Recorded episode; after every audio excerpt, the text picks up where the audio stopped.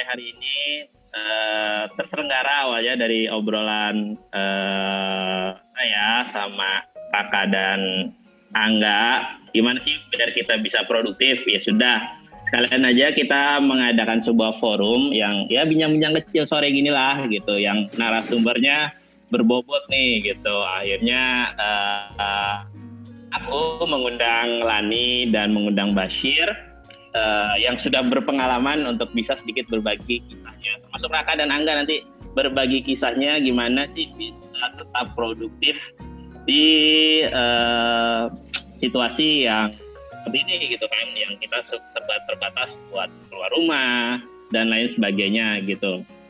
Uh, mungkin uh, bisa diawali nih kisahnya uh, Lani yang merupakan apa ya uh, ikut uh, ikut membantu waktu itu di Wisma Atlet. Emang seberapa parah sih itu uh, corona ini dampaknya dan bener gak sih mungkin bisa di-sharing ke adik-adiknya nih uh, bahwa memang uh, corona itu memiliki efek yang tidak kecil gitu.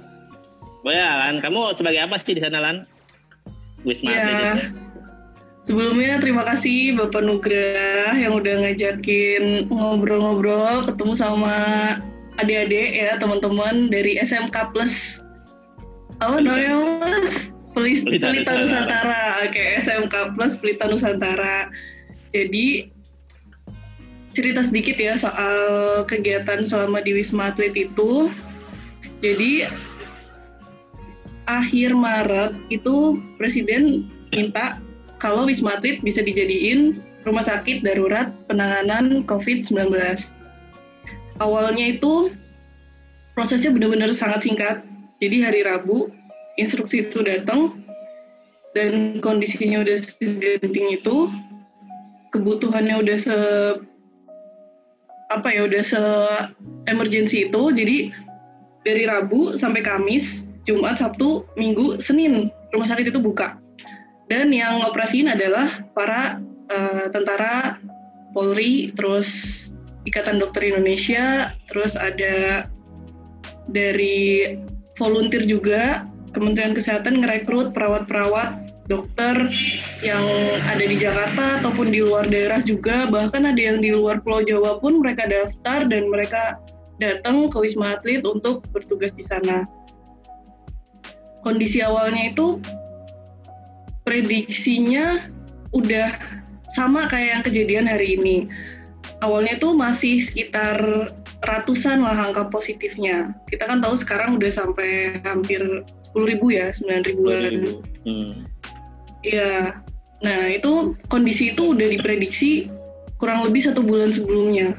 Okay. Kalau angka itu bakal nyampe gitu. Jadi um, awalnya juga kita mikir kenapa sih Wisma Atlet yang ada enam tower segitu banyak kamar harus dibuka, disiapin, emang kondisinya bakal segenting apa gitu. Bahkan rumah sakit darurat di Natuna, di Pulau Galang itu juga dibuka hanya dalam waktu dua minggu itu dibangun dari tanah sampai jadi rumah sakit baru. Nah, karena memang dalam perkembangannya pun kayak rumah sakit Wisma Atlet itu hari pertama buka cuma 70-an dalam dua minggu itu udah 500 orang masuk ke sana. Awalnya masih positif, ringan, terus hmm. pasien dalam pengawasan, terus orang dalam pengawasan yang masih ringan gitu, gangguan respirasinya masih ringan. Lama-lama Wisma Atlet pun jadi makin selektif gitu. Yang masuk ke sana akhirnya yang benar-benar butuh penanganan karena gangguan respirasinya butuh penanganan dokter, penanganan perawat gitu dan sampai sekarang pun masih terus jalan. Ya mudah-mudahan sih bisa cepat selesai ya wabah ini gitu. Karena persiapan yang disiapin di Wisma Atlet pun sampai Juni, Juli pun mereka tetap siap untuk operasi rumah sakit itu. Gitu. Kalau tugasnya, karena saya termasuk relawan non medis, jadi kayak ngebantuin tentara-tentara TNI-TNI itu buat tugas administratif. Jadi di bagian logistik itu kan setiap hari nerima bantuan, terus ada permintaan barang buat ini bagian rumah sakit butuh PC, butuh laptop, butuh printer segala macem sampai perintilan kayak butuh papan jalan, butuh pulpen, butuh alat tulis segala macem itu di bagian tempat aku gitu. Hmm. Terus kelihatannya kecil cuma hal itu bener-bener namanya rumah sakit darurat. Jadi setiap hari dari jam setengah 8 sampai jam 9 malam selama dua minggu dan itu Sabtu Minggu pun tetap masuk, tetap kerja gitu. Ya semua bener-bener mikirin gimana lah ngasih yang terbaik buat uh, pelayanan rumah sakit intinya gitu. Oke, okay, jadi serius itulah. Uh, jadi segenting itu ya dari angka yang 70 dalam waktu mm. dua minggu sudah 500 gitu. Iya. Yep. Jadi apa yang jadi apa yang kita saksikan di televisi itu nggak bohong ya bahwa memang sedemikian uh, mudahnya tertular uh, dan berbahayanya virus corona tersebut ya. Iya, jadi teman-teman bisa bayangin kita bisa tahu kita positif atau enggak itu kan karena kita dites tes swab, tes PCR, tes rapid test itu yang paling sederhana. Kalau jumlah orang yang dites itu makin banyak, ya jelas uh, kita bakal makin tahu sebenarnya angka realnya berapa sih gitu. Sementara di Indonesia, terutama di Jakarta itu baru mulai aktif rapid test aja itu di akhir Maret. Jadi baru sekitar satu bulan ya. Dan alat itu baru nyebar sampai ke daerah-daerah. Dan bahkan di daerah kayak saya kan dari Purwokerto ya, dari Banyumas. Itu awal-awal kejadian bahkan sampai Maret buat tahu hasil tesnya positif atau enggak itu butuh waktu dua minggu karena hasil tes darah kita harus dikirim ke Jakarta. Itu kalau yang posisinya di daerah. Jadi kenapa angkanya sekarang makin naik makin naik? Karena sebenarnya barangkali yang udah punya gejala itu banyak. Cuma yang dapat akses buat dites itu belum banyak. Kayak sekarang gitu. Sekarang kan kita datang ke klinik berbayar juga bisa. Terus pemerintah daerah juga banyak yang mulai ngeluarin biaya lah buat ngadain alat-alat tes itu biar ngejangkau sampai ke daerah-daerah. Gitu. Oke, uh, jadi clear ya bahwa penting banget kita mencegah atau enggak paling enggak meminimalisir lah ya dampak dari uh, pandemi corona ini. Paling enggak uh, kita yang bukan relawan nih sebagai masyarakat uh, hmm. khususnya remaja lah. Penting banget berarti kesadaran untuk menjaga jarak tidak berkumpul rame-rame. Bahkan kalau bisa di rumah aja benar seperti itu ya Alan ya? Iya benar banget. Ah berarti intinya penting banget lah ya untuk kita stay at home itu. Kapan lagi sih berbuat yeah. buat negara ya kan Kapan lagi sih buat, buat buat negara untuk dengan selonjoran aja gitu kan? Buat diri kalian sendirilah, kalian tuh oh, masih iya. sehat, masa depannya masih panjang. Sekali kena ini nggak tahu daya tahan tubuhnya bakal gimana ke depan, paru-parunya masih kuat atau enggak. Sementara kalian tuh ke depan tuh aktivitasnya masih banyak banget gitu, masih kuliah, masih kerja, masih dan seterusnya lah kalian mau jalan-jalan kayak mau apa gitu. Pikir lagi tentang itu gitu. Oke, okay, berarti penting banget stay at home. Yes. Oke. Okay. Nah, berarti uh, clear sudah bahwa uh, kita harus sebagai apa ya? Kalau dibilang uh, bagian dari masyarakat lah, bagian dari masyarakat ya kita kalau memang kita tidak bisa mengobati, ya sudah kita berperan untuk membatasi atau meminimalisir penyebarannya. Betul ya Lan ya? Oh, sayangi diri sendiri, sayangi keluarga juga. Itulah caranya. Oke. Waktu selesai jadi relawan berapa hari, Lan? Di karantina? Karantina 14 hari, bener-bener nggak ke mana-mana, cuma ngambil makanan kalau pesen online. Terus ya ternyata banyak juga sih yang bisa dikerjain ya. Jangan dijadiin batasan pun jadi asik-asik aja gitu. Oke, terima kasih Lani. Ya. Nah, kita ke Pak ba ke Basir dulu nih. Sir, Basir. Yo, siap. Gimana nih selama pandemi ini apa yang uh, Basir lakukan sih kegiatannya? Oke, okay, uh, kalau kenalan dulu kali, Basir. Oh bisa bisa. Uh, kesibukannya apa? Oke, okay, uh, teman-teman salam kenal semua. Uh, nama gue Bashir dan uh, dulu itu gue sama Kak Nugrah. Kalau gue manggilnya Kak Nugrah ya, bukan Pak Nugrah. Kebetulan dulu itu uh, gue uh, adik kelasnya atau adik angkatannya Kak Nugrah gitu. Jadi beliau nih panutan gue banget sebenarnya kan gitu. uh, sekarang sih uh, lagi di Medan, jadi kita uh, lagi diamanatkan untuk mengurus namanya Yayasan Profesor Dr. Haji Kadirun Yahya. Nah, tapi uh, kalau orang taunya tuh kalau di Medan itu namanya Yayasan Pancabudi. Jadi di sini tuh kita menghandle uh, intinya di pendidikan ada di universitas dan juga ada uh, perguruan yaitu sekolah-sekolah. Ada dari TK sampai SMA dan SMK gitu. Kebetulan kita juga ada SMK gitu kan, ada SMK yang khusus bisnis manajemen sama yang teknik gitu. Nah tadi kan ditanya mengenai kesibukan, jadi ya sebenarnya memang uh, kesibukannya itu adalah bagaimana caranya supaya sekolah-sekolah itu mempunyai pola yang baru ketika uh, corona ini gitu. Kenapa?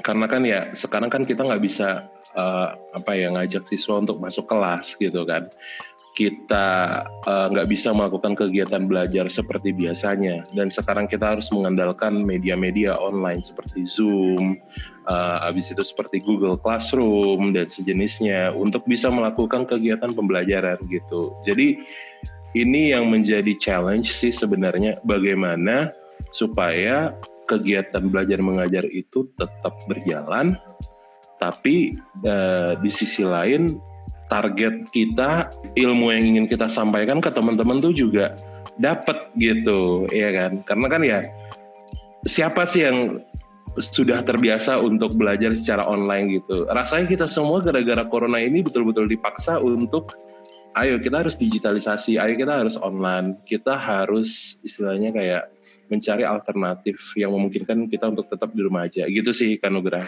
nah makanya jadi Uh, lebih ke situ sekarang uh, fokusnya. Kita masih nyari cara gimana sih yang paling cocok nih gitu kan, supaya kegiatan belajar itu tetap jalan gitu. Oke, okay, uh, menurut lo sih Sir, sebagai hmm. praktisi pendidikannya ya, uh, yeah. seberapa penting sih belajar di era lagi lockdown gini gitu? Wah ini menurut gue penting banget ya. Uh, maksudnya di sini kita belajar. Uh, gue sih selalu bilang sama uh, guru-guru sama kepala sekolah gitu kan uh, bahwasannya belajar itu tidak hanya terbatas soal apa yang kita belajar di sekolah aja gitu. Kita bisa belajar hal-hal di luar apa uh, di luar dari apa yang diajarkan di sekolah kita contoh gitu.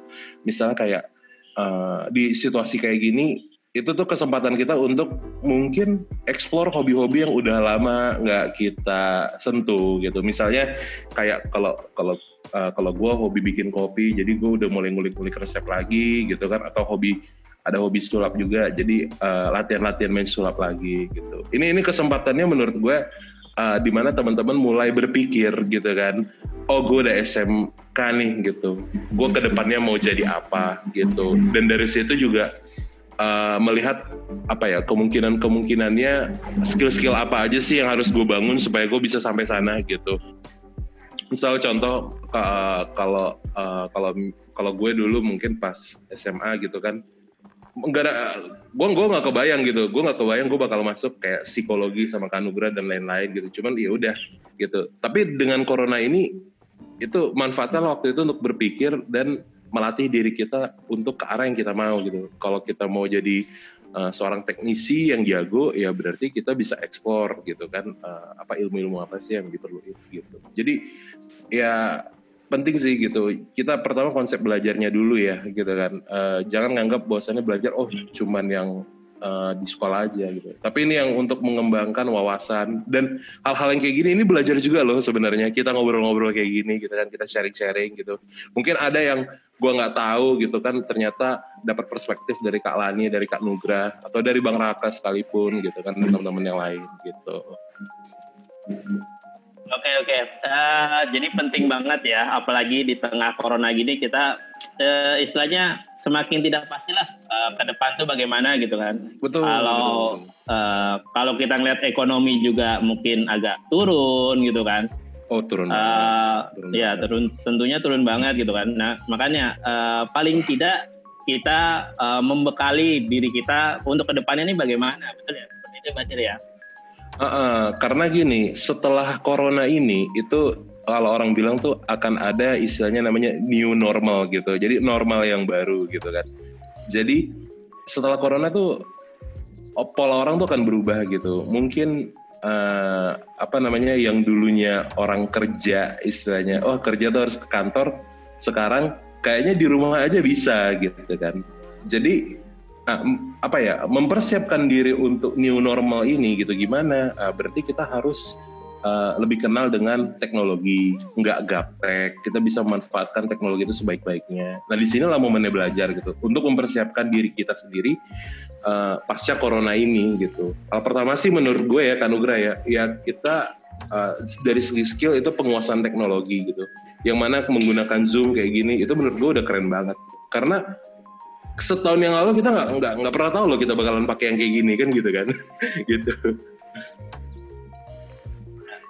Uh, ya justru itulah uh, menariknya adalah uh, makanya uh, ngajak Basir, ngajak Lani di sini sebagai yang menurut gue uh, bisa menginspirasi adik-adik kita yang sebentar lagi nih masuk ke dunia kerja gitu kan. Uh, uh, soalnya uh, kalian berdua ini menurut uh, menurut gue sosok yang keren banget. Kalau Lani itu dulu kalau nggak salah saya ingat saya ingat gue jurnalis ya di detik.com yeah. ya kalau nggak salah dulu jurnalis di detik.com sekarang dua kali bekerja di BUMN yang berbeda gitu kan. Oh keren. Luar biasa. Mau masuk BUMN gak pernah bisa aku Kalani. nah, uh, Basir ini, sedangkan sosok Basir ini menurut gue juga uh, sosok yang luar biasa banget. Yang ketika mendalami sesuatu nggak pernah setengah-setengah.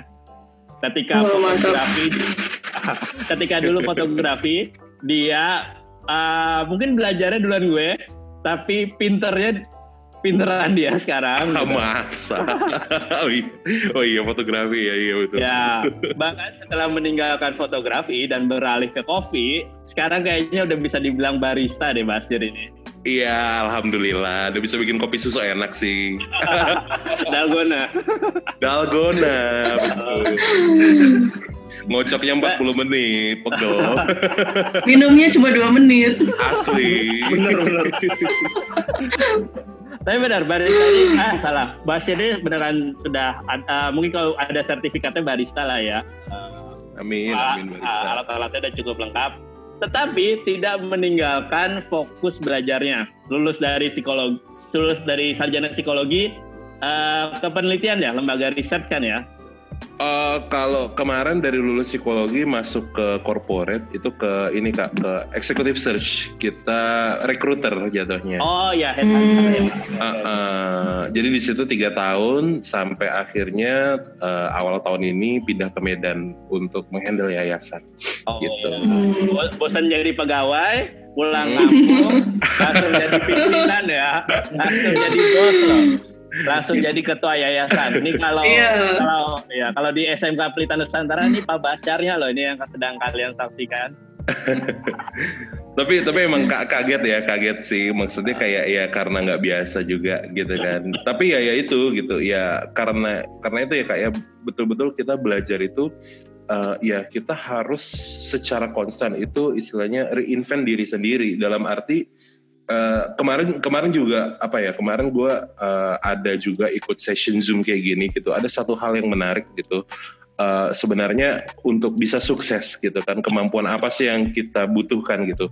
Dia bilang di situ kemampuan yang kita butuhkan adalah untuk unlearn. Unlearn nih maksudnya gimana? Uh, bagaimana kita bisa mempelajari ulang apa yang kita ketahui tentang apa pun gitu. Uh, mungkin misalnya gini contoh uh, ketika kita sama orang tua kita gitu kan uh, dia bercerita tentang bagaimana sih cara ngatur duit gitu kan.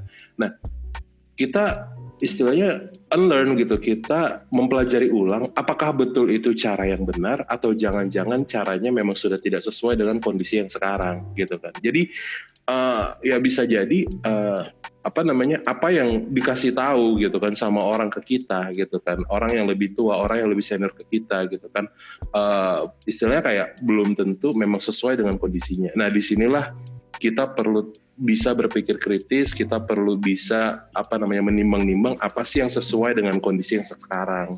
Gitu sih Kanugra. Oke. Makanya apalagi di tengah yang uh, beberapa pakar bilang kita nggak tahu nih corona selesainya kapan gitu bahkan sampai yeah. Iya. uh, sampai muncul yang istilah baru the new normal gitu kan berarti the new kondisi, normal. Nor, uh, kondisi normal yang baru gitu betul Jadi, betul konsekuensinya adalah uh, ketika kondisi normal yang baru bahwa bahwa akan hilang juga pekerjaan-pekerjaan yang sudah ada sebelumnya. Oh ya ya betul. Ya, tapi uh, bukan berarti kita negatif di situ kan. Ketika pekerjaan uh, uh. lama hilang, tentunya pekerjaan-pekerjaan baru itu akan muncul. Betul. Makanya dan, sekarang yang terjadi ya, betul yang yang lo prediksi benar banget. Makanya sekarang yang terjadi orang itu berbondong-bondong untuk belajar lagi gitu loh. Di di per, dia apa ya, di corporate di perusahaan orang tuh lagi gaung-gaungin ayo training training training bahkan istilahnya budaya belajar gitu. Jadi jadi bukan belajar tentang apanya tapi budaya untuk terbiasa belajarnya itu yang lagi dia gaung-gaungkan malah sebenarnya sekarang ini. Gitu. Oke, okay, budaya belajar apalagi terhadap the new normal ini gitu kan ya. Yes, betul. Oke. Okay. Nah, salah satu aspek yang menurut gue akan uh, kira-kira tetap hot lah di tengah krisis pandemi ini itu aspek dunia digital, apalagi industri kreatif dunia digital.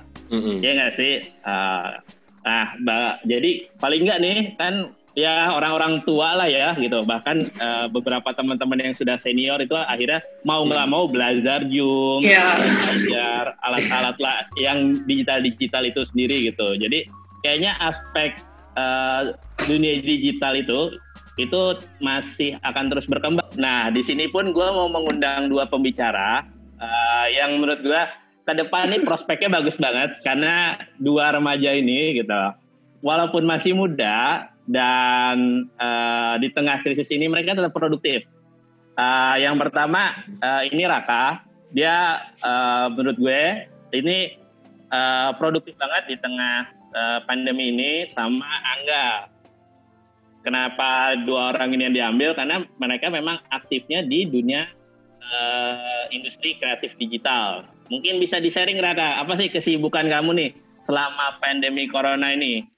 Oke, okay, thank you Nono. Uh, apa namanya? Kesibukan saya sih selama pandemi itu kayak misalkan apa ya pagi-pagi kan mungkin ngecek Instagram segala macam kayak sosial media kayak pada umumnya aja sih. Kayak oh ada apa nih hari ini nih? Kayak oh kayak gini. Terus kadang-kadang tuh di sosial media juga tuh kayak ada sesuatu yang baru gitu. Maksudnya kayak misalkan uh, ada video dengan editan yang baru gitu. Terus saya dari situ kan kayak kepikiran wah kok dia bisa? gitu. Terus uh, dengan corona ini kan lebih banyak di rumah dan juga kan saya lagi nggak ada kesibukan apa apa gitu kan.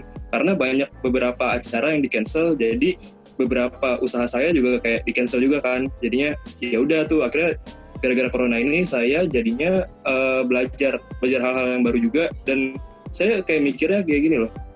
Dari uh, kita ini bakal ngerasain uh, kita nggak tahu 10 tahun atau 20 tahun ke depan kita akan kayak gini apa enggak mungkin belajar bisa dari rumah gitu jadi cuma namanya doang sekolah tapi bisa belajar dari rumah sih menurut saya sih gitu sih Pak Oke, aktivitas kamu sendiri nih kak, kan tadi kamu hmm. bilang ada beberapa yang di cancel. Setahu Pak Nunu kan hmm. kamu aktif di apa ya, uh, kaos ya, bikin kaos gitu kan? Hmm. Uh, dan beberapa hal lainnya gitu. Selama pandemi ini apa sih kegiatan kamu? Kan ada podcast tuh, coba boleh. Iya. Yeah. Iya, jadinya biasanya kan saya ketemu teman saya gitu kan kayak, "Woi, kita bikin podcast bahas-bahas ini yuk kayak yang ini terus kayak pagi sini kan makin dibatasin dan saya mau ketemu teman saya aja masuk rumah tuh sampai dicek-cek segala gitu. Oh, ribet nih kayaknya. Terus di situ gimana sih caranya nih? Ya udah kita bagi-bagi tugas, terus kita uh, ngepodcastnya lewat Discord, kita ambil audionya terus kita edit segala macam kita upload dan di situ menurut saya dengan adanya pandemi ini ada lumayannya juga. Jadi listener saya itu lumayan naik. Gara-gara kan orang banyak di rumah nih. Nah di situ tuh uh, saya promosinya saya kencang-kencangin habis-habisan gitu. Jadi beda banget sih. Saya ngeliatnya 20% naik listener saya. Itu sih pak menurut saya. Oh berarti uh, bener ya di tengah pandemik ini ternyata justru dunia digital tuh malah makin banyak konsumennya. Iya, bener-bener banget gitu loh. Dan hmm. kayak ini ada tahu yang apa namanya uh, restoran juga sekarang tuh pada pindahin ke rumah. Jadi cuma modal sosial media kayak Instagram ya kan. Terus kayak ya udah bisa diorder langsung. Tapi kan masalahnya kita nggak mungkin ke restorannya gitu kan gara-gara pandemi ini. Jadi bisa pesan ntar barang-barangnya ditaruh di rumah besok diambil barang-barangnya kayak syabu gitu segala macem. Hmm, jadi itulah ya yang bisa dibilang new normal tuh gitu. Nanti mungkin bisa jadi yes. Eh, enam uh, bulan ke depan, satu tahun hmm. ke depan, situasi kita ya seperti ini gitu. Dan hmm. sebagai generasi muda uh, harus banyak belajar tadi seperti yang disampaikan oleh uh, Kak Basir ya. Uh, ada satu lagi yang menarik, dia uh, di tengah corona ini tetap produktif nggak tahu nih produktif apa bandel gitu. dia tetap ber, um, uh, mungkin orangnya aja langsung deh menceritakan apa sih kesibukannya nggak ketika pandemi corona ini. Ya makasih Pak Dulu. Kan kalau saya uh, di gereja terkenal kayak suka buat video hunting-hunting. Nah mumpung lagi corona gini kan, kan namanya ibadah nggak boleh ngumpul-ngumpul loh. Terus si pendeta itu kayak ide gimana kita bikin video online aja? Nah di calling callingin dia tulis itu. Nah dari situlah saya buat video kan. Cuma nah itu bandelnya mungkin di situ kayak keluar rumah padahal kan harusnya nggak boleh gitu ya. Nah kira karena nggak keluar rumah tapi nggak keluar gereja gitu. Syuting di sana jadi edit di sana jadi nggak keluar ke mana-mana paling pulangnya malam terus langsung tidur terus dari semua itu juga bilang saya kayak mikir kayaknya ibadah online ini mulai naik deh karena kayak merubah mindset dari segala umur kan. Yang anak kecil semuanya jadi bisa nonton kayak nenek saya gitu. Ini hari ini kita nggak ada ibadah. Ada nih ya akhirnya ngumpul di satu rumah jadi berkumpul jadi ya mempererat saudara juga yang ada kan. Ya sekedar sih kesibukan saya Oke oke, berarti Angga fokus uh, beribadah tapi uh, dengan cara yang berbeda ya? Iya. Oke, video terus uh, apa apa karya-karya kamu apa yang sudah di itu? Mungkin peribadat peribadatannya atau doanya mungkin ya? Semuanya sih seperti kayak biasa, cuma yang diubah jadi format video biasa doang gitu. Tinggal diupload ke YouTube terus nanti di semuanya tinggal streaming nggak nggak terlalu banyak yang juga sih pak cuma ya cara menikmati aja sih yang beda Oke, jadi intinya kamu membantu lah ya untuk orang beribadah dari rumah, benar gak sih? Iya. Lani nih, memandang Raka dan Angga nih, gimana sih menurut uh, Lani sendiri? Iya, kegiatan dari Raka, dari Angga tuh bener-bener skill yang sekarang lagi dibutuhin banget sebenarnya gitu kalau kalian bisa lebih tajumin lagi, lebih dalemin lagi. Kayak sekarang kan dunia digital kan luas ya, bisa ke narasi, bisa ke foto, bisa ke grafis, bisa ke audio, bisa ke video gitu. Medianya tuh macam-macam banget gitu. Jadi di saat kayak gini justru ya udah nikmatin aja terus kayak tadi Mas Bashir, Mas Nugrah juga sampaikan ya salah satu kegiatan yang bisa dilakuin kan belajar. Belajar itu kan macam-macam ya. Kayak tadi Raka dari ngelihat misalnya di Instagram ini orang-orang bisa-bisaan aja nih bikin apa sih kayak challenge challenge gitu terus ngeditnya jadi menarik. Itu kan jadi salah satu ya belajar sih. Cuma kalau kebanyakan juga nagih kali ya maksudnya kalau ngeliat Instagram misalnya nih jadi ngeliat uh, oh orang-orang sekarang tuh jualan ngedit tampilannya tuh gini ya gitu jadi bisa belajar grafisnya atau misalnya ada lagi oh orang-orang bikin video promosi endorse tuh gini ya jadi gimana sih cara bikinnya gitu jadi lebih nge-encourage kita tuh pengen bisa gitu. Itu aja udah oke. Okay. Oke, okay. uh, kalau dipandang pengalaman dulu lah ini, dulu hmm. kan bisa bisa eh, SP itu sarjana apa? Sarjana pertanian. Sarjana pertanian. Gimana kisahnya seorang sarjana pertanian bisa masuk ke detik.com? Saat itu ngetop banget loh detik.com. Iya, saat itu media yang dibaca sama 80 juta orang setiap harinya. Dan jadi yang clickersnya tuh paling tinggi di antara media lain memang. Jadi kok bisa gitu? Nah itu jalan buat nyampe ke kerjaan tuh nggak selalu dari pendidikan formal ya. Kayak misal kalau mau dilanjutin nih, sarjana pertanian ya kerjanya di kebun sawit, kerjanya di jadi sekitar pertanian-pertanianan gitulah ya. Cuma karena dari awal udah ikut organisasi, terus seneng nulis, ikut jurnalis kampus, punya blog sendiri. Jadi emang di sekitar itu kerjaan pertama pun yang nerima bukan dari mana-mana justru karena ngelihat dari skill nulis dan skill jurnalistiknya gitu. Jadi ya udah jalanin aja. Terus sampai sekarang pun uh, kerjaan yang sekarang kan jadi officer corporate communication ya. Itu dasarnya pun dari situ, dari nulis, dari motret, dari liputan, ngelihat perkembangan isu, terus ngelihat opini di masyarakat. Ya sekitar itu jadinya. Apa tuh? Uh, apa sih tugas utamanya gitu? Mungkin anak-anak di sini kan ada beberapa yang belum ngerti uh, corporate communication officer itu apa gitu. Mereka dia tuh tanggung jawabnya apa sih gitu? Ya, nah ini kalau teman-teman tertarik juga kalian kan masih akan ngelewatin misalnya beberapa tahun langsung kerja atau kuliah dulu terus kerja gitu ya. Kalian masih punya beberapa tahun lah untuk mempersiapkan diri gitu ngebangun skill. Salah satu kerjaan yang cocok ya menurut aku ini kayak corporate communication, terus social media strategis, terus ya apa pun namanya yang berhubungan sama komunikasi, sama sosial media, sama publikasi sama membangun image corporate atau image produk atau branding gitu. Dari tadi banyak cara, kayak sekarang kan mainan buat publish brand atau perusahaan kan banyak ya, dari YouTube, dari Instagram, Facebook, LinkedIn, terus podcast juga bisa. Itu semuanya punya target yang beda, terus bikin kontennya juga beda, dan itu butuh skill yang macem-macem harus bisa sekalian gitu. Kayak misal Angga sekarang lagi ngedalemin videonya. Coba lagi uh, set lagi uh, di editingnya gitu. Kalau misal Raka di podcast juga gimana sih idenya bisa lebih relate atau bisa lebih luas lagi gitu. Jadi banyak hal yang sebenarnya dari yang teman-teman sekarang kerjain mungkin kelihatannya kecil gitu. Mungkin cuma motret. Aku mau nanya dong ke Kalani boleh nggak sih? Boleh boleh. Boleh.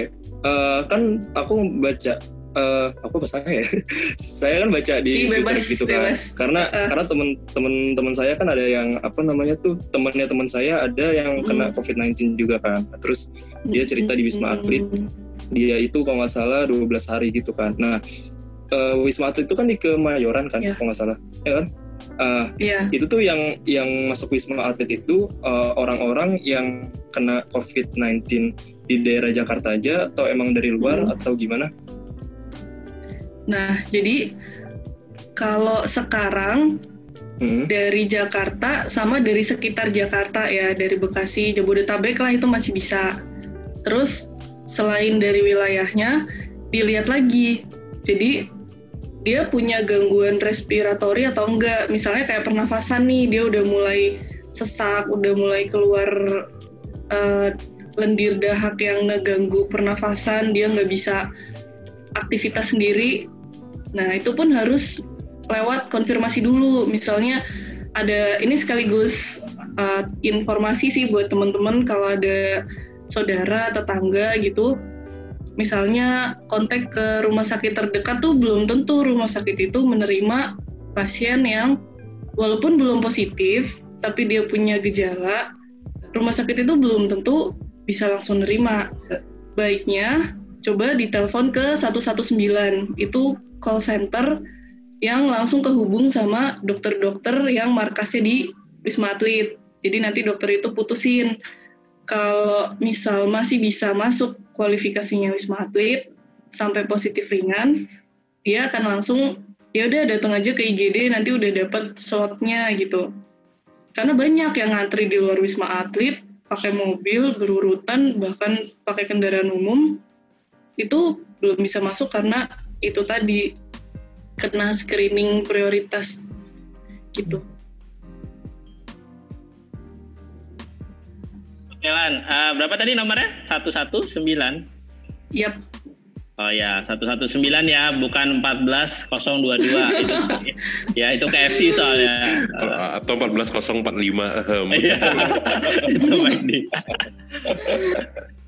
Kalau Basir sendiri gimana sih untuk memandang dua remaja ini yang uh, masih mencari jati diri?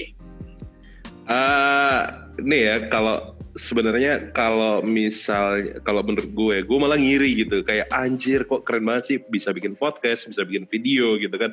Sementara kayak gue yang udah lama banget pengen bikin kayak gitu itu masih kayak belum ada waktu kesemuan itu. Dan menurut gue itu keren gitu. Dan setuju kayak yang Lani bilang, uh, memang itu skill-skill yang akan dibutuhkan gitu. Jadi bayangkan uh, apa ya itu jatuhnya kan ke konten ya gitu kan. Nah menurut gue ke depannya ke new normal ini juga ya salah satunya orang-orang itu akan melihat konten gitu. Jadi secara personal gitu kan, misalnya kalau gue melihat Raka ya gue melihat, gue mengenal Raka akan dari kontennya. Gue mengenal uh, Angga juga sama dari kontennya dia. Oh konten dia apa? Itulah yang mendefinisikan identitas dia gitu kan. Itulah yang tadi kalau Lani bilang tuh branding. Gimana caranya kita menancapkan identitas kita di media sosial. Dan jujur aja kalau sekarang malah ya gue jadi berpikir gitu. Jadi gue karena gue ngeliat Raka, gue ngeliat Angga, sekarang gue ada ide kayak kayaknya keren deh kalau di sekolah gue gue bikin podcast gitu kan, kayak seminggu sekali antara SD, SMP, SMA kita ngebahas banyak hal gitu kan. Jadi apa ya bisa menjadi sesuatu yang baru. Itu bisa jadi uh, promosi juga kan buat sekolah gue gitu kan di sisi lain. Oh iya kita menerima digitalisasi loh gitu. Dan juga kita bisa mengedukasi orang-orang yang saat ini memang uh, apa namanya ya kita nggak bisa ngumpul gitu kan tapi kita bisa tetap memberikan edukasi juga ke orang tua, ke siswa-siswa atau bahkan ke orang luar gitu. Makanya kak jadi ya inilah betul pekerjaan-pekerjaan ke depannya tuh ya bakal kayak gini gitu. Kita bisa dari rumah aja gitu. Bahkan mungkin gue percaya sih kayak 20, 30 atau 40 tahun lagi, mungkin kita nggak harus keluar rumah untuk kerja. Jangan-jangan kita tuh kayak main game gitu loh, kayak kita tuh nggak ada perusahaan gitu kan. Maksudnya ini berpikir liar aja ya. Kita kita nggak ada perusahaan, kita nggak ada company, tapi kita bisa ngambil kerjaan-kerjaan dari beberapa tempat sesuai dengan skill kita. Artinya kalau kayak Angga, uh, uh, kayak Angga gitu kan, mungkin kayak kalau lo fokus di video, artinya mungkin entah 20, 30, 40 tahun ke depan, lo cuman kayak oke, okay, ini ada postingan kerjaan, gue bikin video ini, ini, ini, ini, seminggu itu gue bikin video aja gitu. Dan abis itu lo akan dibayar dari hasil kerja keras di situ gitu. Jadi lebih kayak ke freelancing sih gitu. Oke uh, terima kasih Basir uh, nah nih dari Angga sama Raka nih ada nggak yang mau nanya ke Kak Lani dan Kak Basir kayaknya kakak aja deh manggilnya. Eh, masih muda dong. Dan Kak Nunu. Kak Nunu, siap. Aku coba tambahin dulu ya, Kak okay. Nunu. Oke, okay, silakan. Jadi buat teman-teman, walaupun nggak masuk kerja keterima secara kantoran gitu misalnya, itu juga kayak sekarang di tempatku kerja itu kerjaan ini banyak banget. Banyak yang harus dipegang, sosial media aja banyak. Belum lagi megang keterbukaan informasi, belum megang uh, relation sama stakeholder, belum megang yang lain lagi. Pokoknya banyak gitu. Akhirnya kita putusin kerjaan yang bisa dikasih ke freelance, akan kita kasih ke freelance. Contohnya yang udah dikasih tuh kayak kita bikin buku, buku perusahaan. Kita coba gandeng jurnalis yang udah off buat ikutan reportase, ikut ngeliput, ikut wawancara gitu. Terus gandeng teman-teman yang punya skill layout juga buat ngelayout bukunya. Terus yang freelance buat proofreading atau baca sesuai kaidah bahasa Indonesia-nya kita juga pakai freelance. Terus buat bikin website, buat translate websitenya yang yang bagus lah bahasa Inggrisnya tuh layak buat dibaca sama investor luar pun akhirnya kita pakai freelance. Jadi dunia freelance tuh akan luas banget dan corporate tuh cuma jadi apa ya kayak head Wadah, office-nya aja gitu wadah doang ha, gitu sih Oke, eh, gimana enggak, Raka? Ada yang mau ditanyain? Tadi saya udah sih lumayan. Angga mungkin. Oke, mau ditambahkan juga boleh, mangga. Enggak gitu loh, Kalani enggak gitu Kak Ahmad Basir gitu siapa tahu kan. Eh kita boleh kita boleh didebat loh karena mungkin teman-teman bisa aja lebih tahu dari kita tentang kondisi yang sekarang. iya loh kita mah kalau disuruh bikin podcast juga belum tentu bisa gitu Iya betul. Udah mau bikin, aduh mau bikin apa gue gitu kan.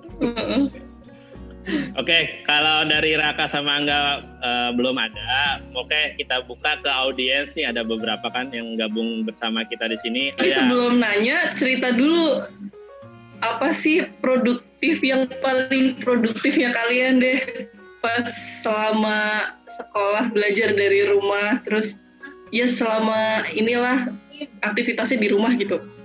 Sekalian cerita. Ayo silakan. Saya- Ya, saya mau nanya. saya- Saya langsung Saya mau nanya aja apa gimana nih Pak? Ya, si- silakan. Tapi apa tadi syaratnya harus sharing dulu produknya. Contoh kegiatan produktif deh selain belajar dan ngikutin sekolah online gitu yang udah dikerjain. Saya saya kurang lebih mirip kayak eh, Kak Bashir lah. Jadi Hmm. eh, bisa dibilang udah mulai ngulik-ngulik hobi lama lagi. Maksudnya kan kalau kayak di sekolah waktunya lebih kemakan di sekolah kayak dari pagi sampai siang sampai sore gitu di sekolah. Nah terus ini sekarang eh, lagi di rumah terus kan jadi bisa ngulik-ngulik hobi lagi, najemin skill lagi gitu sih kurang lebih. Hobi skill apa tuh? Eh, kalau yang sekarang lagi saya tekunin sih lagi eh, lagi jalanin musiknya lagi, udah mulai nge, apa Ah, Oke. kulik-kulik lagu-lagu lagi gitu sih kurang lebih. Oh, main musik apa nih? Saya main main, deh? main gitar, main drum bisa. Oke. Jadi saya Ya, saya mau langsung nanya aja ya. Eh, Oke. saya mau nanya ke Kalani. Kalani kan background pendidikannya kan eh, apa pertanian tadi ya. Yap. Tapi pernah bekerja di eh, detik detik.com. Sebentar, Iya. sebentar. Eh, terus eh, berarti kan itu kan masuknya sebagai media ya, jurnalis. Iya, jadi jurnalis Detik Finance. Eh, nah, kalau saya juga kan PKL-nya bisa dibilang di sebuah media, media game indie gitu. Nah, kalau Kalani sendiri kan berarti kan nggak punya background pendidikan jurnalis, tapi menemukan Iya. cara berpikir seperti jurnalisnya tuh eh, gimana? Iya. Ini langsung dijawab aja. Ya, langsung Oke. dijawab. Menemukan cara berpikir seperti jurnalis.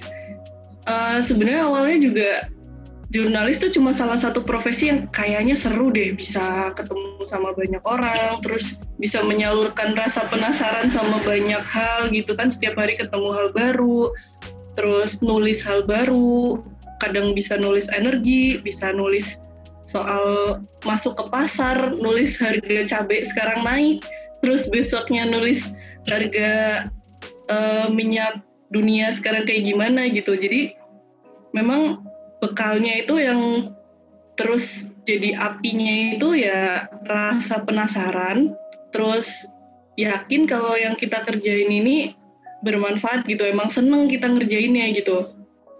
Kayak waktu itu yang ada di pikiran tuh, oke eh, tanggung jawab jadi jurnalis detik itu gede, terus tapi manfaatnya juga gede gitu karena sekali kita masuk itu dalam waktu beberapa bulan aja kita udah bisa dikasih liputan yang lumayan penting gitu bahkan buat nyari liputan langsung ke pimpinan-pimpinan kementerian atau BUMN gitu.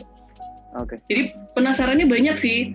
Penasaran siapa sih yang bakal ditemuin besok, terus siapa sih yang eh, bakal ngebaca ini, yang komen, terus Oke. topik apa lagi sih besok yang bakal didapat Tapi kalau eh, Kalani sendiri misalkan caranya gimana kalau misalkan ngelihat ngelihat dua Hmm. buah eh, isu terus ngegabungin itu jadi sesuatu perspektif baru itu gimana?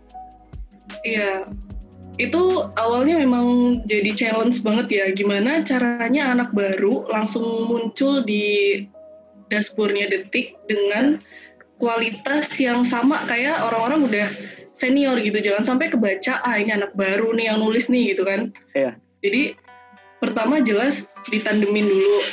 Selain emang disuruh juga itu cara yang paling gampang lah ya. Kita ngelihat langsung kita nanya langsung sama yang udah lebih senior udah lebih lama eh, ngelakuin itu. Terus kita sering-sering baca tulisan jadi dari jurnalis yang paling kita eh, kiblatin gitu istilahnya. Pokoknya harus bisa nih dalam waktu sekian bisa nulis kayak dia gitu terus kalau misal ada feedback nih ada feedback dikritik salah atau liputannya terlalu lama atau ada yang kurang udah terima aja terima aja pokoknya setiap hari itu bakal jadi yang penting tumbuh aja terus Oke. Nah. Oke, makasih Kak. oke Pak. semoga menjawab Terima kasih. ya Oke, eh, ada lagi nggak yang mau nanya atau mungkin mau berpendapat nih? Boleh, silakan dari audiens atau Angga sama Raka sudah mau ada yang ditambahkan boleh. Pengen sih saya nanya ke Kak Basir. Oke, silakan. Ya, Halo Kak Basir. Oh, yes. halo. Eh, saya saya mau nanya kan kakak kan beberapa waktu lalu itu kan maksudnya kerja di sebuah perusahaan gitu kan maksudnya Hmm. Jadi bekerja apa sih yang memotivasi apa memotivasi kakak kayak wah kayaknya gue nggak bisa nih lama-lama kayak gini maksudnya eh, waktu itu aku juga punya teman kayak gue nggak bisa nih rak kayak gini 10 tahun 20 tahun lagi gue bakal kerja di tempat duduk yang sama terus Hmm. gue bakal apa ketemu orang yang sama-sama Hmm. lagi dan gue Hmm. bakal sampai gue pensiun dan di situ terus apa sih yang Hmm. dimotivasi kakak gitu Oke, eh, sebenarnya gini, sebelumnya ah, sebelumnya gue gue nanya balik gitu, tem ya temen lo itu udah lama kerja atau baru? Ada yang lima tahun ada yang ada yang lima tahun ya. Oke, nah itu menurut gue itu masih bagus kalau misalnya walaupun dalam lima ta ketika dia udah lima tahun kerja gitu masih ada pikiran kayak gitu. Karena apa? Jujur aja sebenarnya gue juga sama pikirannya ketika tiga bulan dua bulan pertama gue masuk kerja, gue nggak mau gini-gini doang. Gue nggak mau cuma duduk di depan office doang. Habis itu uh, dan melakukan hal-hal yang sama sampai 20-30 tahun gitu kan. Karena gue kerja di perusahaan rekrutmen, gue justru bertemunya dengan orang-orang itu, orang-orang yang bekerja puluhan tahun bahkan. Ya gue nggak kebayang sih, misal kayak uh, dia kayak apa ya orang marketing gitu kan, eh bukan marketing lah, let's say yang yang lebih office gitu kan, misal kayak oh, administrasi gitu, tapi dia selama 10 sampai 15 tahun itu kerjanya administrasi aja gitu loh. Nah gitu, mungkin uh, memang ya yang pertama sih supaya memotivasi ya gitu ya, ya kita harus punya visi dulu gitu. Kayak visi hidup sih menurut gue. Kayak lo mau ke mana sih gitu sebagai manusia sebagai seorang raka lo mau menjadi apa nantinya gitu kan. Uh, bayangan lo ideal lo itu seperti apa gitu. Nah nanti setelah dari situ barulah kita berpikir uh, berpikir mundur gitu kan. Uh, tentang apa yang uh, yang harus kita lakukan misalnya kayak dalam dalam umur ketika gue umur 50 uh, ini kalau gue pribadi gue udah pengen punya bisnis gue udah gak pengen lagi untuk apa namanya uh, nggak pengen lagi untuk istilahnya betul-betul uh, ke corporate atau kayak gimana. Uh, tapi yang gue pengen adalah misi sosial gitu bagaimana bisa memberikan manfaat untuk banyak orang.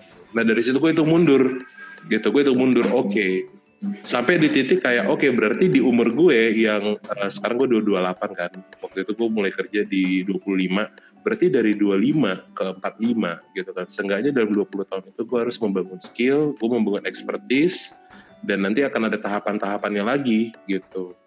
Nah uh, gimana caranya sebisa mungkin uh, lo nggak cuma ada mimpi tapi lo betul-betul mengontrol mimpi lo tuh apa gitu. Jadi kalau kalau kalau misalnya kita bilang gue cuma pengen kayak gini ya udah gitu. Tapi nggak banyak orang yang betul-betul berpikir secara realistis secara teknis bagaimana untuk mencapaikan mimpi itu. Nah makanya ya, penting banget untuk kita betul-betul uh, melihat mimpi kita bisa jadi kenyataan dengan cara seperti itu sih Raka.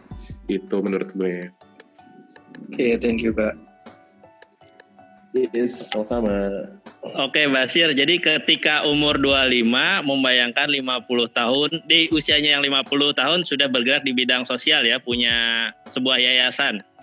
Iya, sebenarnya sih uh, memang ya akhirnya memang kayaknya ending gue emang di sini juga sih kak gitu. Iya. jadi dan di umur jadi, dan di umur 28 sudah jadi ketua yayasan ya. iya iya iya. Jadi berarti bagaimana caranya dari 28 sampai ke 50 itu di yayasan ini uh, gue bisa membangun apa yang uh, gue cita-citakan itu gitu. Iya. Kayak gitu sih kak karena ya gue pengen bagaimana supaya orang itu bisa tetap bermanfaat juga ya tentu kan karena background yayasan gue kan Islam gitu jadi dengan nilai-nilai Islamnya gitu orang juga jadi kayak uh, berbuatnya itu berdasarkan nilai-nilai kebaikan yang ada di dalam uh, Islam itu sendiri gitu.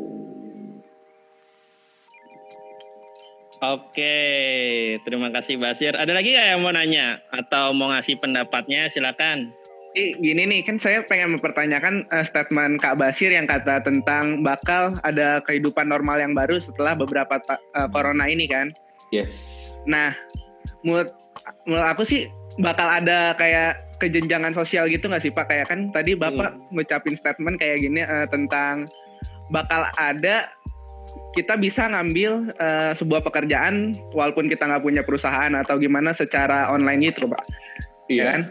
Nah, menurut bapak pasti kan ada kejenjangan sosial gitu semacam kayak uh, kalau orang-orang jauh kita jadi dekat kalau orang-orang dekat kita jadi jauh semacam kayak gitu pak kayak misalkan hmm. di lingkup keluarga gitu kita kan jadi agak lebih jauh karena kita lebih penting ke kehidupan sosial gitu kita gitu kan pak uh -huh, uh -huh. nah jadi gimana sih supaya kita tuh uh, bisa nge, apa uh, bisa ngelakuin semua itu tanpa adanya kejenjangan sosial itu pak Oke, okay, uh, oke. Okay.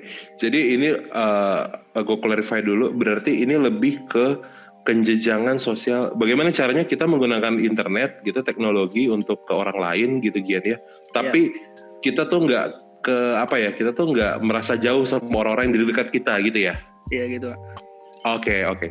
oke okay, jadi nah iya memang uh, sebenarnya di situ dia bagaimana cara kita bisa memilah-milah sih gitu jadi memang ya kita pun juga ketika nah tantangannya di new normal itu salah satunya itu gitu loh ketika kita bisa bekerja dari rumah gitu kan, siapa yang akan mengontrol kita untuk supaya eh stop kerja kita harus melakukan yang lain, eh stop kerja kita harus uh, apa namanya peduli dengan kesehatan kita, peduli dengan hubungan kita gitu. Ya itu pada akhirnya memang diri kita sendiri gitu. Kondisi new normal ini ketika kita bisa bekerja dari rumah, bahkan atau yang tadi kayak gue bilang, uh, mungkin lo nggak harus gabung di sebuah perusahaan untuk bekerja gitu kan. Ya balik lagi kontrolnya tuh ada di diri sendiri gitu Uh, nah makanya dengan ada yang kontrol di, diri sendiri, ya kalau gue ya, ini ini, ini kalau gue, uh, gue tuh set waktu gitu. Waktu gue untuk keluarga gue itu di jam berapa sampai jam berapa. Waktu gue untuk teman-teman gue itu dari jam berapa sampai jam berapa gitu. Contoh, contoh. Ini aktivitas gue ya. Uh, biasanya kalau gue, kalau hari-hari biasa, uh, gue itu mulai itu dari jam 9 pagi sampai jam uh, 5 sore gitu kan untuk kerja, untuk koordinasi dan lain-lain. Nanti ketika gue buka puasa gitu kan, kalau di Medan ini kan buka puasa jam setengah tujuh. Dari jam setengah tujuh sampai jam delapan itu adalah waktu gue di rumah bersama keluarga gue gitu. Nah dari jam 8 sampai jam 10 di situlah gue nongkrong gitu. Dari jam 10 ke atas nongkrong Iya iya serius kak gue gue nongkrong jam jam 8 sampai jam 10 baik itu online kayak gini atau mungkin kayak kalau di sini kayak gue ketemu tetangga tetangga gue gitu karena di sini kita satu komplek gede gitu kak kan udah tempatnya. Oke okay, oke. Okay. Uh. Uh, uh. Jadi dari jam 8 sampai jam 10 itu ya gue apa namanya ya nong, uh, nongkrong di luar. Baru dari jam 10 sampai jam 12 itu adalah waktu ya. di mana gue self development dalam arti ya mungkin gue nonton uh, gue nonton video tentang uh, apa yang perlu gue pelajari TED Talks atau gue podcastnya Deddy Kobuzir gitu yang menurut gue oh, one of the best. Ya yeah, one of the best sih gitu kan. Iya iya. Gitu. nah makanya jadi ya di situ gitu di situ Gian. Lo sendiri yang ngeset waktunya gitu. Lo sendiri yang punya kontrolnya gitu. Lo sendiri yang menentukan kapan waktu lo untuk teman-teman lo dan kapan waktu lo untuk keluarga lo gitu atau untuk orang-orang terdekat lo gitu. Terus tapi kan gini pak uh, apa uh, di kalau misalkan kayak gitu kan kita kalau misalkan bersosialisasi jadi kayak lebih kurang kontak fisik gitu nggak sih kak? Semacam Ah, kita kayak bakal lebih jarang berjabat tangan atau enggak kayak gimana gitu kan kita bakal hal biasa mungkin ya di masa depan kayak gitu ya. Iya, justru itu kan the new normal kan makanya. Jadi bisa aja nanti kita nggak salaman gitu kan. Bisa aja nanti kita kayak orang Jepang yang menunduk gitu. Nah, tahu nggak kenapa orang Jepang itu dia eh, apa ya ketika salaman tuh menunduk gitu? Karena memang dulu itu ini yang yang yang gue sempat dengar ya gue sharing sama beberapa teman juga. Karena mereka itu memang sering banget kena kondisi pandemi gitu. Jadi untuk menjaga kebersihan mereka daripada mereka salaman mereka tuh bowing kayak nudukin kepala gitu. Jadi nggak kontak fisik gitu. Ya bisa aja ke kegiatan apa ya uh, aktivitas-aktivitas baru itu bisa aja gitu. Atau mungkin kita jadinya kayak uh, apa namanya kayak kayak tangan uh, emoticon gitu, sawadikap gitu kan. Oh iya, iya mungkin mungkin. Bisa aja jadi kayak gitu. Jadi ada kemungkinan kita bisa eh, kayak kultur sosialisasi kita mungkin bakal berubah pesat banget kali ya. Kak. Bisa berubah. Nah, tergantung seberapa lama corona ini. Kalau misalnya corona ini mungkin kalau diprediksi ada yang dibilang bulan Juli, Agustus itu dia udah mulai turun gitu kan. Ya mungkin perubahannya nggak terlalu banyak ya. Mungkin orang kayak masih recover oke lah, mereka masih menjaga jarak. Tapi kalau let's say corona ini dua tahun gitu, tiba-tiba dia dua tahun gitu, di situ pasti berubah. Oh iya gitu. Uh, uh, akan berubah kebiasaan kita, cara nongkrong kita, cara temenan kita. Kita mau cari teman baru, mungkin kita masuk ke apa kayak ada satu aplikasi yang ada Iya. chat room chat roomnya gitu, Website. website gitu kan. Kalau dulu kan kalau uh, kalau pada tahu anak-anak yang tua-tua ini MIRC, ICQ gitu kan. Nah kan Lani tahu berarti ya. Friendster. Iya, Friendster gitu. Kayak kayak gitu, mungkin bentuknya yang lain sih. Iya. Kira-kira menjawab apa? Makasih. Makasih Oke, Kak. Gila, sama-sama. Ya, eh, jadi itu seperti yang kita bahas di awal sih bahwa akan nanti eh, muncul yang namanya new normal. Sebenarnya eh, perubahan ini nggak bukan baru kali ini aja terjadi gitu. Dulu juga eh, Jepang juga waktu 80 era perpindahan dari manual ke komputer gitu kan, itu juga berubah kan. Semuanya jadi ada new normal yang baru, apa-apa serba gadget gitu dan Jepang bisa eh, beradaptasi dengan hal tersebut bahkan yang sudah uh, tua-tua, yang sudah direktur-direktur akhirnya belajar sama yang muda-muda. Nah ini dia nih terjadi lagi sekarang dan ini di Indonesia gitu, di mana terjadinya new normal. Bagaimana kita beradaptasi yang uh, menghadapi situasinya seperti ini, kurang lebih seperti itulah ya. Mungkin uh, ini sih uh, kita ke penghujung acara bahwa uh, bagaimanapun sebentar lagi the new normal nih sudah di depan mata.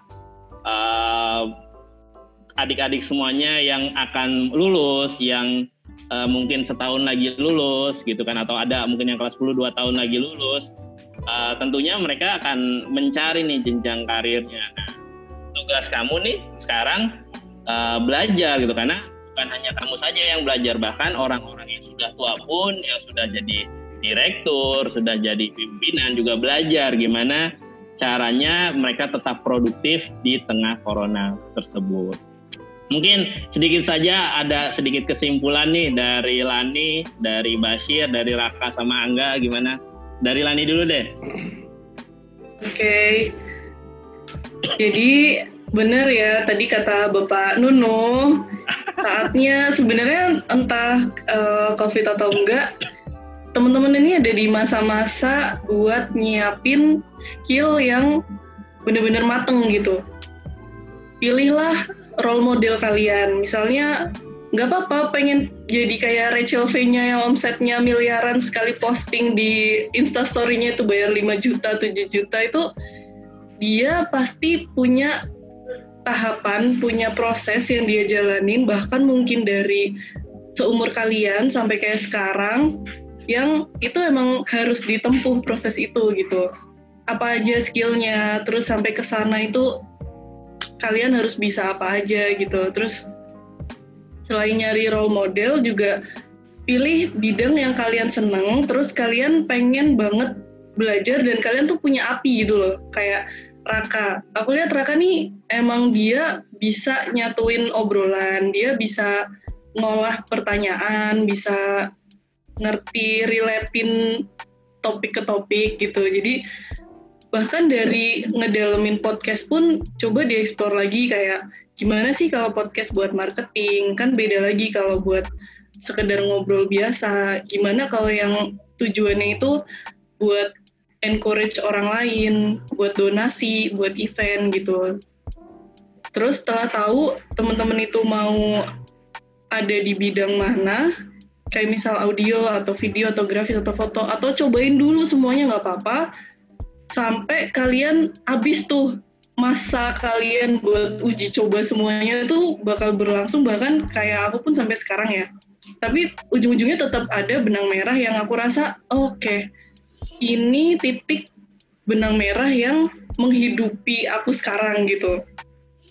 Kayak dari komunikasi dari narasi dari gimana ngolah informasi itulah yang menghidupi aku sekarang. Tapi di sisi lain juga aku punya hobi punya kesukaan yang oke okay, aku bakal ngejar ini ini ini gitu. Jadi silahkan explore seluas-luasnya. Jangan sampai ketinggalan sama teman-teman seusia kalian yang mungkin sekarang udah banyak ya yang jadi macem-macem lah yang di dunia digital yang uh, aku pun ngerasa ini anak-anak sekarang parah sih cepet banget belajarnya terus nyerap sesuatunya gitu. Jadi manfaatkanlah masa-masa seru kalian. Gitu Pak Nugra. Terima kasih udah boleh sharing. Oke terima kasih Kak Lani. Kak Basir uh, Kak oke uh, oke kalau dari gue sendiri dari hasil diskusi kita ya pada intinya dunia kita berubah dan bagaimana caranya supaya kita tetap bisa adaptasi. Menurut gue salah satu caranya supaya kita bisa tetap beradaptasi betul-betul istilahnya jadi pembelajar sepanjang masa gitu. Never stop learning istilahnya. Jadi uh, bagaimana kita bisa uh, riset ulang tentang apa yang kita tahu, tentang apa yang kita paham gitu kan, dan kita mencoba belajar dari ulang lagi, mencari perspektif-perspektif baru gitu. Menurut gue di situ itulah caranya supaya kita bisa tetap adaptasi dan yang paling penting kita nggak lupa core kita, kita nggak lupa uh, dari value kita, nilai-nilai kita gitu kan. Jangan lupa bahwasannya ya istilahnya kayak nasionalisme kita pun juga harus kita jaga gitu kan, nilai-nilai kita, prinsip-prinsip kita itu kita jaga tapi kita tetap bisa beradaptasi dengan perkembangan zaman. Istilahnya kayak jangan sampai kita ke bawah zaman, tapi kita yang menuntut zaman. Gitu. Eh, terus dari Raka, gimana nih kak? Menurut kamu? Oke, dari diskusi yang lumayan lama ini, uh, kalau menurut saya sih uh, sebetulnya tuh sekarang ini kayak ibaratnya tuh kayak simulasi kita yang akan ngadepin 10 tahun atau 20 tahun dunia yang akan datang gitu.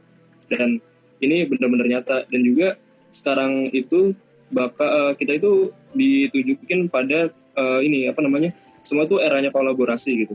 Kayak sekarang aja kita ngobrol aja dari latar belakang yang berbeda gitu kan. Dan menurut saya pribadi saya selalu suka sama ngobrol nih dan saling tukar pikiran tuh sama latar belakang yang berbeda karena kita nggak tahu ini perspektifnya masing-masing orang tuh seperti apa gitu dan dari situ kita masih bisa ngambil apa ya garis benang benang merah ya benang merah ya prosesi gitu aja sih Pak. Thank you Pak. Oke, okay, thank you Raka. Dari Angga gimana nih enggak? Oh ya bagus kali ya Allah. Ya, Sebenarnya sih kesimpulannya buat diri saya sendiri nggak apa-apa kali ya Pak ya. Iya, enggak. Kan saya pribadi kan orangnya emang bukan tipe orang yang tertib gitu ya. Cuma tadi dengerin kata-kata ke Basir, kena banget sih.